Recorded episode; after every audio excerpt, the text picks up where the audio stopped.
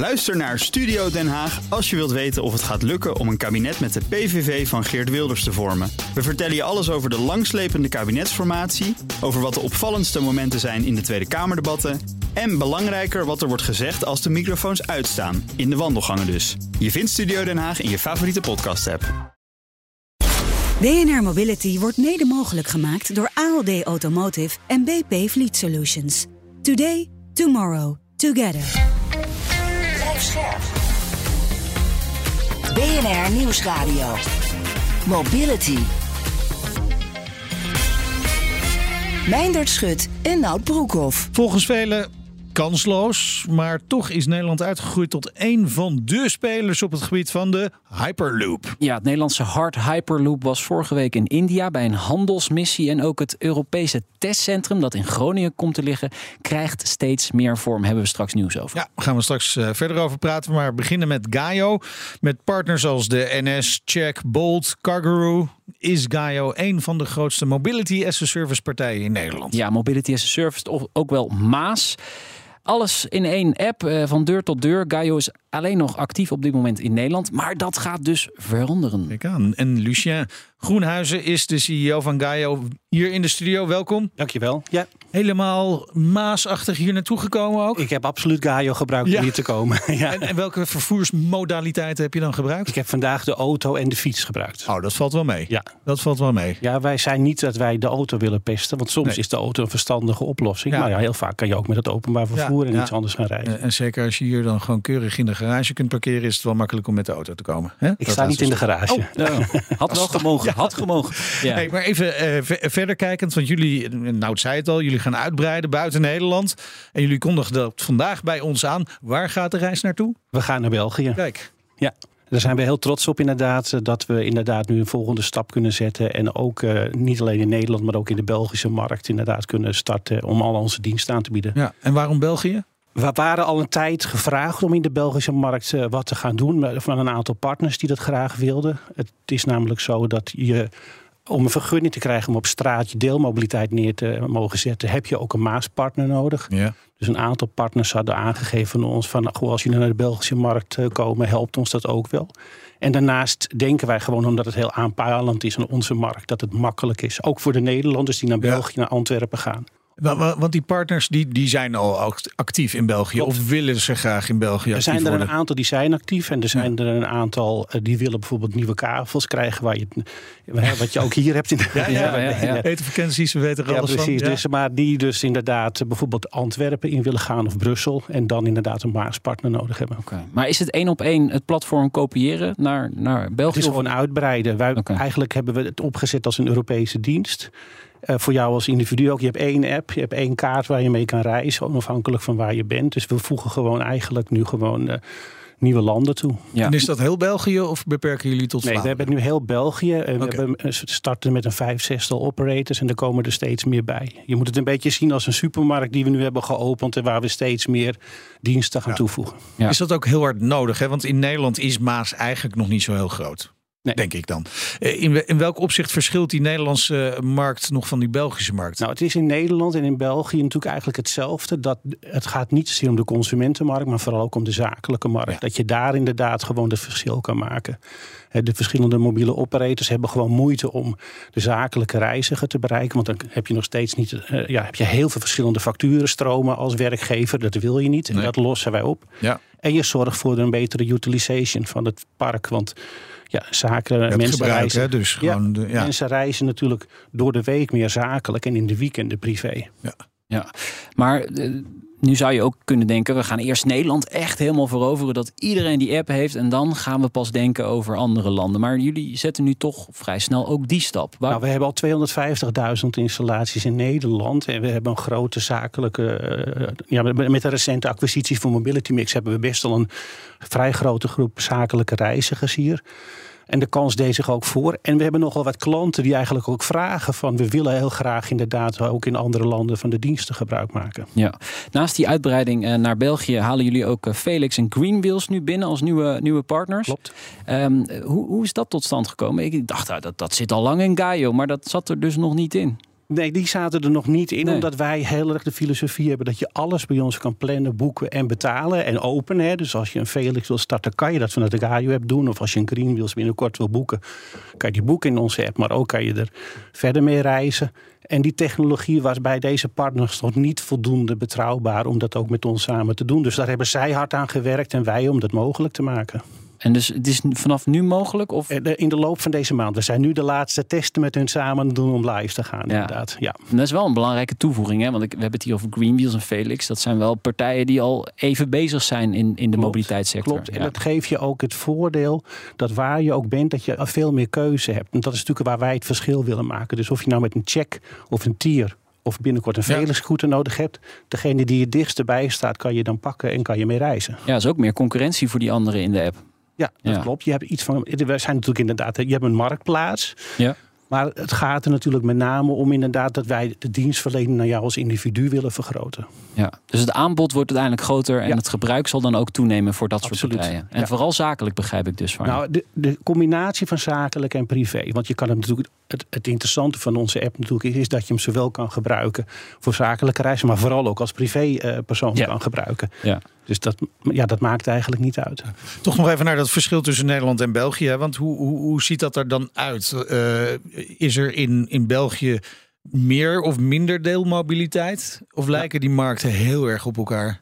De, de markt in België is vele malen groter. Het grootste wat je gaat zien meteen is dat je nu de stepjes kan boeken. Ja, precies. En die zijn er niet in Nederland. Dus Ja, dat je mag zijn niet de heel grens mee oversteken. Ja.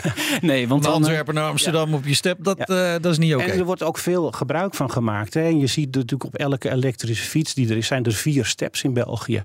Dus het volume is vele malen groter eh, aan beschikbaarheid en ook daarmee het gebruik. Ja, maar die stepjes, eh, nog heel even, want de, in Parijs hebben ze die alweer van straat gehaald. Eh, dat zou best een beweging Ja. kunnen zijn die, die ook in andere steden natuurlijk gaat plaatsvinden. dat is natuurlijk niet iets waar wij eh, Nee. een, een mening over hebben. Wat Ja. wij proberen is alles wat er is, proberen we inderdaad te ontsluiten. Hier zie je veel scooters en eh, e-bikes. eh, naast het openbaar vervoer natuurlijk. En parkeren en allerlei andere diensten die we bieden. En iets vergelijkbaars doen we in de andere landen ook. We proberen gewoon alles wat er is aan te bieden. Ja, en als er iets verdwijnt, dan komt er wel iets anders voor in de plaats terug. Ja, het doel van Gaio is eh, om binnen vijf jaar een vermindering van 70.000 ton aan CO2-uitstoot te realiseren. Dat is aardig wat, denk ik. Ja. Hoewel, ja, het- zo'n cijfer zegt me ook weer weinig of zo. Hoeveel Ja. stepjes moeten daarvoor Juist. gebruikt Dat- worden? Nou, het, het volume zit vooral natuurlijk dat wij mensen keuzereizigers maken. Hè? Dus dat je makkelijker inderdaad bijvoorbeeld ook voor het openbaar vervoer gaat reizen. Of een elektrische deelauto een keer gebruikt. Daar zit natuurlijk veel meer CO2-reductie dan dat je met een step of op de fiets gaat. Dat zijn voor korte afstanden natuurlijk belangrijk. En daar liggen vooral inderdaad onze ambities om grote stappen te zetten. ja, maar hoe meet je dat? Ik vind dat zo lastig. Nou, wij hebben dat niet zelf gedaan. Eh, Rebel, een adviesbureau, heeft eh, voor de eh, gemeente en de provincie Utrecht dat onderzoek uitgevoerd voor ons. Naar aanleiding van een grote pilot die we hebben gedaan in de afgelopen jaren in Utrecht. En daar zie je in dat mensen die nu in Finex-locaties wonen, meestal twee auto's hebben. En dus vrij veel met de auto reizen. Ja. En als ze Gaio gaan gebruiken, zie je dat gebruik behoorlijk eh, dalen. En uiteindelijk zie je dan dat mensen op dezelfde manier gaan reizen als mensen in de stad. En dat Ja. betekent dat je meer met de fiets gaat.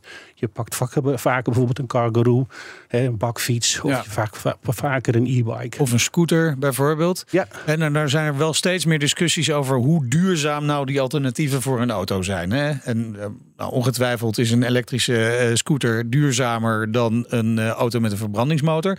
Maar toch is daar ook wel kritiek op, op die, op die deelscooters bijvoorbeeld. 18 gemeenten hebben duurzaamheidsclaims van hun website gehaald. He- hebben jullie daar inzicht in hoe, van hoe duurzaam, hoeveel eh, CO2 je nou echt bespaart met, met Nou, wat wij gevraagd modaliteiten? hebben, wij, Ja. wij kijken niet zozeer naar de SEC, naar de eh duurzaamheids, eh, zeg maar, winst die een, een product heeft, maar meer de gedragsverandering, waardoor mensen minder met de auto gaan reizen. En dat is die 70.000 ton. Als jij gewoon minder met de auto gaat reizen en vaker bijvoorbeeld een loop naar, de, naar het openbaar vervoer en verder reist, of je pakt een keer een, een fiets, dus dat je gedragsverandering, daar hebben we impact mee. Dat is hoe we het hebben gedaan. Ja. En eh, als, als we het dan nog toch over kritiek op scooters hebben, hè, ze worden ook wel gezien als een beetje strooigoed. Ze liggen overal, Ze eh, in de sloot, liggen. staan, liggen, Ja. rotzooi. Hoewel er ook wel wat aan gedaan wordt. Hoe, hoe gaan jullie daarmee om? Nou, wij werken gewoon samen met zowel met, met zeg maar de aanbieders, maar ook met de Nou, gemeente. Eigenlijk ligt die verantwoordelijkheid meer bij de aanbieders. Ja, wij toch? zijn natuurlijk gewoon een partij die voor extra traffic voor hun zorgen. Maar tegelijkertijd werken we natuurlijk ook heel veel met gemeenten en provincies eh, mee. Want laten we wel wezen, we hebben wel een ambitie met elkaar om die duurzaamheid voor elkaar te krijgen. Dus hoe kan je dat nou doen? Door toch op een slimme manier mensen te sturen. Dat je meer hubs creëert waar bijvoorbeeld deelmobiliteit gaat staan. Zodat je inderdaad niet dat strooien hebt. En voor de rest worden natuurlijk best wel hele heldere afspraken gemaakt. Als jij een step of een fiets of een scooter op straat zet, dan heb je bepaalde verplichtingen Ja. om daar wat aan te doen. En daar worden door de operators heel hard aan gewerkt. Ja, goed. Nederland en België, dat gaat het nu worden. Eh, is er ook al een volgende stap of ga ik nu echt te snel? Nou, niet meer dit jaar, laat ik dat zeggen. Waar Maar gaan we kijken natuurlijk absoluut. Nee, we zijn absoluut aan het 2024? kijken naar andere landen, Ja. inderdaad, om verder te gaan. De reden is, kijk, voor ons is het belangrijkste die integratie. We hebben nu Ja. 20 aanbieders. Hè, dus wij zijn dus een sleutel. Een magische sleutel zeggen wij voor alle vormen van vervoer. Ja. Maar die operators die zijn natuurlijk in Nederland actief. Die zijn in België actief. Daar komen er weer een paar bij. Ja. Die zijn vervolgens in Frankrijk actief of in Duitsland. Dus wij kunnen daarmee steeds sneller andere landen ingaan. En het daar ook live zetten. Dus Zijn dat dan ook de meest logische landen om vervolgens naar te kijken? Duitsland Klopt. en Frankrijk? Ja, want daar zie je eigenlijk dat de, de, de partijen die wij nu hebben vooral actief zijn. Maar er zijn natuurlijk altijd lokale, speciale oplossingen die we ook moeten implementeren. Dus daar liggen de keuzes. Willen partijen dat of niet? Ja. En heb je al enig idee wanneer Volgend jaar. volgend jaar de stap naar Frankrijk of Duitsland? Oké. En nog één, dus tot slot één vraag. Hè? Want eh, jullie aanbieders die eh, gebruik maken van de, de Gaio-app, ja, die hebben op straat hun eigen reclame natuurlijk. Hoe weten mensen dat ze de Gaio-app kunnen gebruiken om bijvoorbeeld Felix of eh, Check te gebruiken of wat? Nou ja, wij hebben ook een. Wij, draaien natuurlijk onze eigen marketingcampagnes. Zowel eh, eh, op straat, maar ook vooral inderdaad natuurlijk online proberen we mensen te krijgen. Het is een beetje een combinatie. We zijn ook in gesprek met operators. En dat hebben we op een aantal plaatsen al. Waar je op de scooter of fiets Een ook. goede sticker erop. Zit er een, eh, een sticker van ons ook op dat je ook via QR-code erbij. Ja, Ja, je moet wel heel hoog in de lijstjes komen hè? op Ja. Google. Is dat. Ja, Succes met alle ontwikkelingen en dank. En dus nu ook in België eh, is de Gaio-app te vinden. Lucien Groenhuizen, CEO van Gaio. dankjewel. we gaan zo praten over de Hyperloop. Maar eerst aandacht voor dit.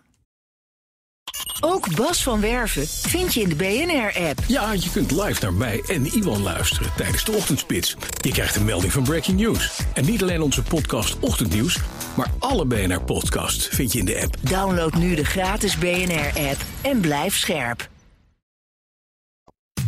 BNR Mobility. Dan gaan we naar de ontwikkeling van de Hyperloop in Nederland. Die lijkt eh, op stoom te komen, Nout. Ja, onze kennis is elders in de wereld gewild. En de eerste buizen van het Europese testcentrum in Groningen... eh, die worden binnenkort op hun plek gelegd. Nou, genoeg reden om eh, Mars Geuze van Hard Hyperloop uit te nodigen. Welkom. Bedankt. Ja, natuurlijk nog niet met de Hyperloop gekomen. Dat kan nog niet.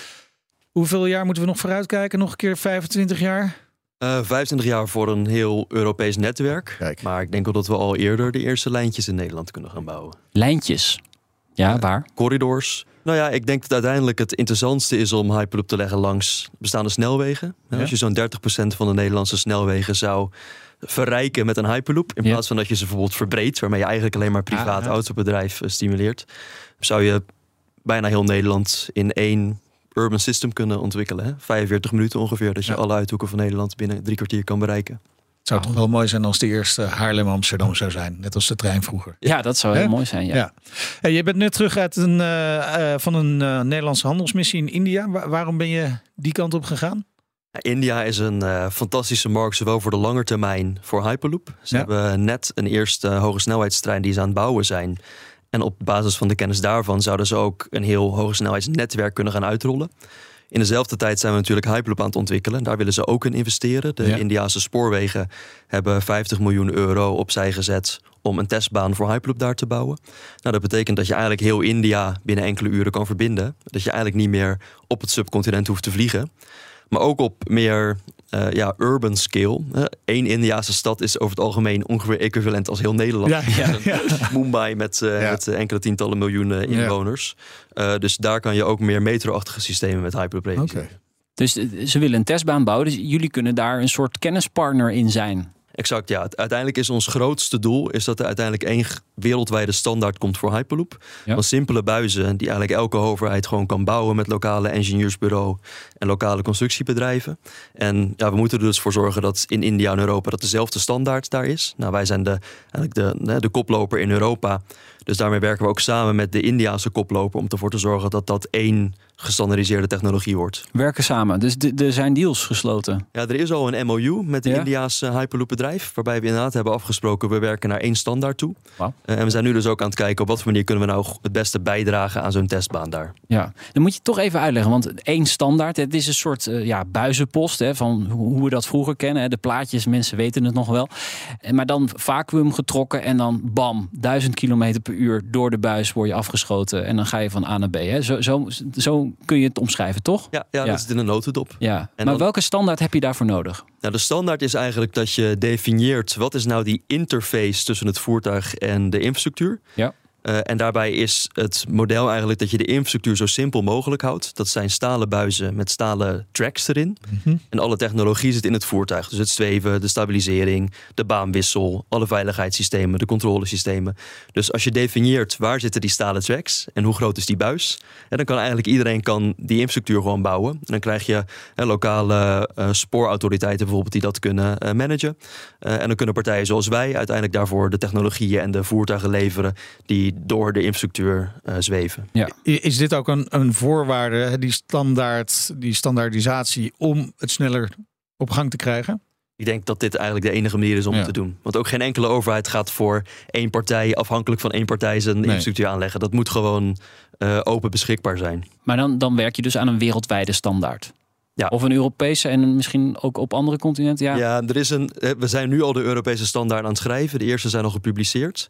Eh, en er is een verdrag tussen CEN, dat is de Europese standaardisatie, en Ja. ISO wereldwijd, om ook Europese standaarden weer wereldwijd te zetten. Oké. Hè, dus dat, wat, eh, wat, waar komt de concurrentie nu eh, vandaan? Is dat vooral de Verenigde Staten? Ja, je hebt twee bedrijven uit de US. Ja. Ik denk dat het, het zwaarste punt, zwaartepunt van Hyperloop nu wel in Europa zit. Met samenwerking met de Spaanse, Poolse, eh, Zwitserse bedrijven. Eh, en je ziet ook wel in India en China eh, behoorlijk wat, wat activiteit. Maar ja, concurrentie. Je wil eigenlijk zo'n. Ja, is Ja. het wel concurrentie? Het is, het is nu nog geen concurrentie. Nee. Het is eigenlijk, we hebben allemaal dezelfde missie. En laten we als eerste ervoor zorgen dat die infrastructuur in ieder Ja. geval werkt. Dat we kunnen laten zien dat je daar veilig in en uit kan stappen. De missie is om dat zo rond 2030 zo'n eerste korte lijntje van een paar kilometer live te hebben. Dat je echt eh, het hele systeem hebt aangetoond en dat je van daaruit kan opschalen. En ik denk dat we vanaf dat moment moeten gaan kijken naar hoe ziet het concurrentieveld eruit. Ja. maar laten we eerst die taart zo groot mogelijk Ja. maken. Een hele belangrijke stap in die ontwikkeling is natuurlijk eh, dat Europees testcentrum hè, dat in, in Groningen gaat komen. Jullie gaan een belangrijke nieuwe stap daarin zetten ook. Ja, klopt. Er komt een eh, testbaan in Groningen van 400 meter eh, met een baanwissel ook. Dat is heel belangrijk, want uiteindelijk wil je kunnen laten zien dat voertuigen kunnen invoegen en uitvoegen. Zodat je echt een netwerk kan maken waar je van elke oorsprong naar elke bestemming kan gaan. En dit is ook een baan die eh, eigenlijk open is voor andere Hyperloop-bedrijven. Oké. Dus de Europese Commissie heeft in ons geïnvesteerd. Eigenlijk hè, met als doel van: oké, deze technologie gaan we supporten. Laten we daar een testbaan van bouwen. En verschillende bedrijven hebben dus ook al aangegeven dat ze daar ook komen testen. Dus dat laat echt zien dat dat dus de basis wordt van zo'n standaard. Ja. En komende week gaan de eerste buizen Ja. gelegd worden. 26 september eh, vieren we de startbouw. Eigenlijk de hele fundatie ligt er al. Nu gaan we de eerste buizen daar neerzetten. Eh, voor het eind van het jaar ligt dan eh, die 400 meter aan buizen er. Eh, en dan eh, wordt het eh, richting Q2 volgend jaar dat we echt de test gaan uitvoeren. Wat kun je testen op 400 meter als die dingen 1000 kilometer per uur moeten gaan? Ja, kijk, het belangrijkste is dat dat je. klopt even niet in mijn hoofd. Nee, je gaat natuurlijk nog niet 1000 km per uur halen. Oh ja. We mikken eerst Oh. op ongeveer 80 tot 100 km per Ah ja. uur. Maar het belangrijkste is gewoon dat je kan aantonen dat het zweven, de stabilisering, de Ja, motor, de baanwissel, dat het allemaal werkt. Dat het ook betrouwbaar is. Dat je er veel vlieguren mee gaat maken. En dat je in principe de integriteit van het totale systeem laat zien. En op basis daarvan kan je dat weer uitbouwen en op hogere snelheden gaan. Maar er zijn ook al best wel wat, zeg meer, eh, urban eh, toepassingen van Hyperloop waar je niet hele hoge snelheden nodig hebt, maar waar je wel al veel voordelen hebt. Zoals een Hyperloop maakt geen geluid, heeft geen trillingen, neemt minder ruimte in dan een metro. Dus je zou ook al voor kortere afstanden bijvoorbeeld een Ja. lagere snelheid Hyperloop kunnen toepassen. Maar hij moet wel vacuüm zijn. En eh, hè, een traject van ik weet niet hoeveel kilometer, dat, dan moet je wel die veiligheid moet je wel waarborgen. Precies, dat is ook de reden waarom we nu natuurlijk ook al aan het testen zijn. Ja. Dat je dat gewoon stapsgewijs gaat doen. Want anders heb je een implosie, dan, weet je, dan krijg je dat Titan-verhaal natuurlijk. eh, Ja, dus waar Dan, moeten we eh, ervoor zorgen dat we... Titanic. Hè, dus we, we gaan heel veel vlieguren maken. Doemdenker. Ja, nou ja, doemdenker, maar, eh, kom op. Maar, maar waarschijnlijk ga je zelfs ook op eerste implementaties eerst kort beginnen met een stukje zonder vacuüm. Gewoon Ja. dat, je kan, hè, dat mensen kunnen wennen aan het systeem en langzaamaan uitbouwen. Nou, uit onderzoeken blijkt wel dat mensen het graag zouden willen. Hè? De, de, de- ze- of in ieder geval een ritje zouden ze leuk vinden om een keer mee te maken. Ik weet niet of je het daarna nooit, ooit nog een keer wil. Als je helemaal... Nou ja, hoe, hoe fijn zou het zijn? Hè? Ik heb net weer afgelopen week gevlogen naar, naar Litouwen Ja. en weer terug. Hoe fijn zou het zijn als je gewoon in een Hyperloop, alsof het een trein is, kunt instappen? Daar zou ik wel naar uitkijken. Van hier naar Litouwen, ja, dat is natuurlijk lastig te zeggen hoeveel kilometer, maar Ja, je zou Waarschijnlijk waarschijnlijk iets van ruim- vier uur vliegen. Ja, ja, het is, En dan het is nog qua twee uurtjes van tevoren aanwezig zijn. Precies, de reistijd in de Hyperloop is waarschijnlijk vergelijkbaar met het vliegen. Misschien zelfs ietsje langer, omdat je nooit perfect rechte lijnen kan eh, ja. eh, bouwen. Maar het gaat inderdaad ook om dat je veel dichter bij de stadskernen kan komen. Dat je niet het in- en uitchecken hebt van de luchtvaart. Hè. Bij de Europese Commissie wordt het nu meer als spoor gezien waar je gewoon kan instappen. Dus de totale reistijd wordt echt competitief. Ja. Wat ik echt bewonderenswaardig vind, en het verhaal blijft steeds verteld worden, ook hier, dat, dat is natuurlijk heel tof. Maar dat jullie ook steeds weer het geld ophalen om het verder mogelijk te maken. Want eh, wat we de laatste maanden, half jaar vooral veel zien, is dat veel partijen die geld nodig hebben, dat geld niet meer kunnen krijgen. En dat het dan spaak loopt. Maar jullie krijgen toch steeds weer dat geld. Hoe, hoe, lukt jullie dat? Ja, het komt denk ik deels door die stapsgewijze aanpak, waar we gewoon steeds kleine stapjes zetten in het bewijzen van de technologie. En dat bouwt gewoon steeds meer vertrouwen op. En aan de andere kant eh, heb je gewoon veel, toch wel langetermijn investeerders, partijen echt met een visie. En die zien gewoon, als ik nu in dit bedrijf stap. En het kan bijna niet anders dan dat een systeem als dit van de grond komt. Dan komt er gewoon ook een mooie exit aan tegen de tijd dat eh, het netwerk echt gaat opschalen. Nou hadden we het net over India. Je zegt eh, Europa loopt eigenlijk wel voorop in de ontwikkeling. Maar als wij zo luisteren naar het nieuws de hele tijd, hè, hier ook bij BNR, dan heb je wel de indruk dat er in China en India wel heel veel gas wordt gegeven. Ook op dit soort nieuwe technologieën. Als je dat zo bekijkt, waar ligt de eerste operationele Hyperloop? Hier of toch in India of in China? Ik denk eerlijk gezegd dat het echt als samenwerking wordt gedaan. Eh, dat we ook programma's steeds meer aan elkaar gaan koppelen. En dat je parallel op beide plekken tegelijk innoveert. Eh, er is echt in Nederland veel ambitie om dit van de grond eh, te krijgen. Met steden zoals Rotterdam, waar ook al in de gemeenteraad voor is gestemd om te zoeken naar een korte pilot in de stad. Dus ik denk dat het op beide plekken dat we daar attractie kunnen hebben en van de grond kunnen krijgen. Dus India is niet per definitie eerder, begrijp ik. Nee, we moeten ook gewoon hier in Nederland de handen uit de mouwen en het gewoon voor elkaar krijgen. Ja, ik denk dat Nederland gewoon, ja, we gaan dat gewoon, we Mooi gaan man. doen. Zou Ja. cool We zijn. zijn natuurlijk een klein landje, dus we moeten wel wat verbindingen met de andere landen eh, maken. Maar Uiteindelijk wel. daar hebben ze dan ook weer Gaio, kun je gewoon weer de fiets pakken of weet ik veel. En eh, Hyperloop gaan we dan ook boeken bij Ja, ja, nou, precies. kijk, hey, in de hallo.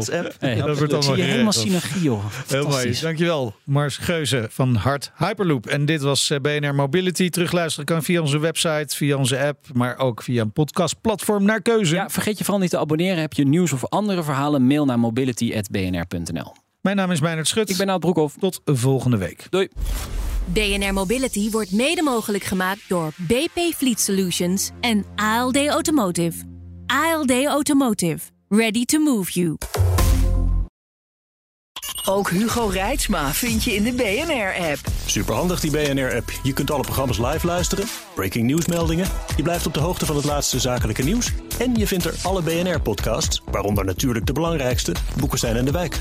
Download nu de gratis BNR-app en blijf scherp.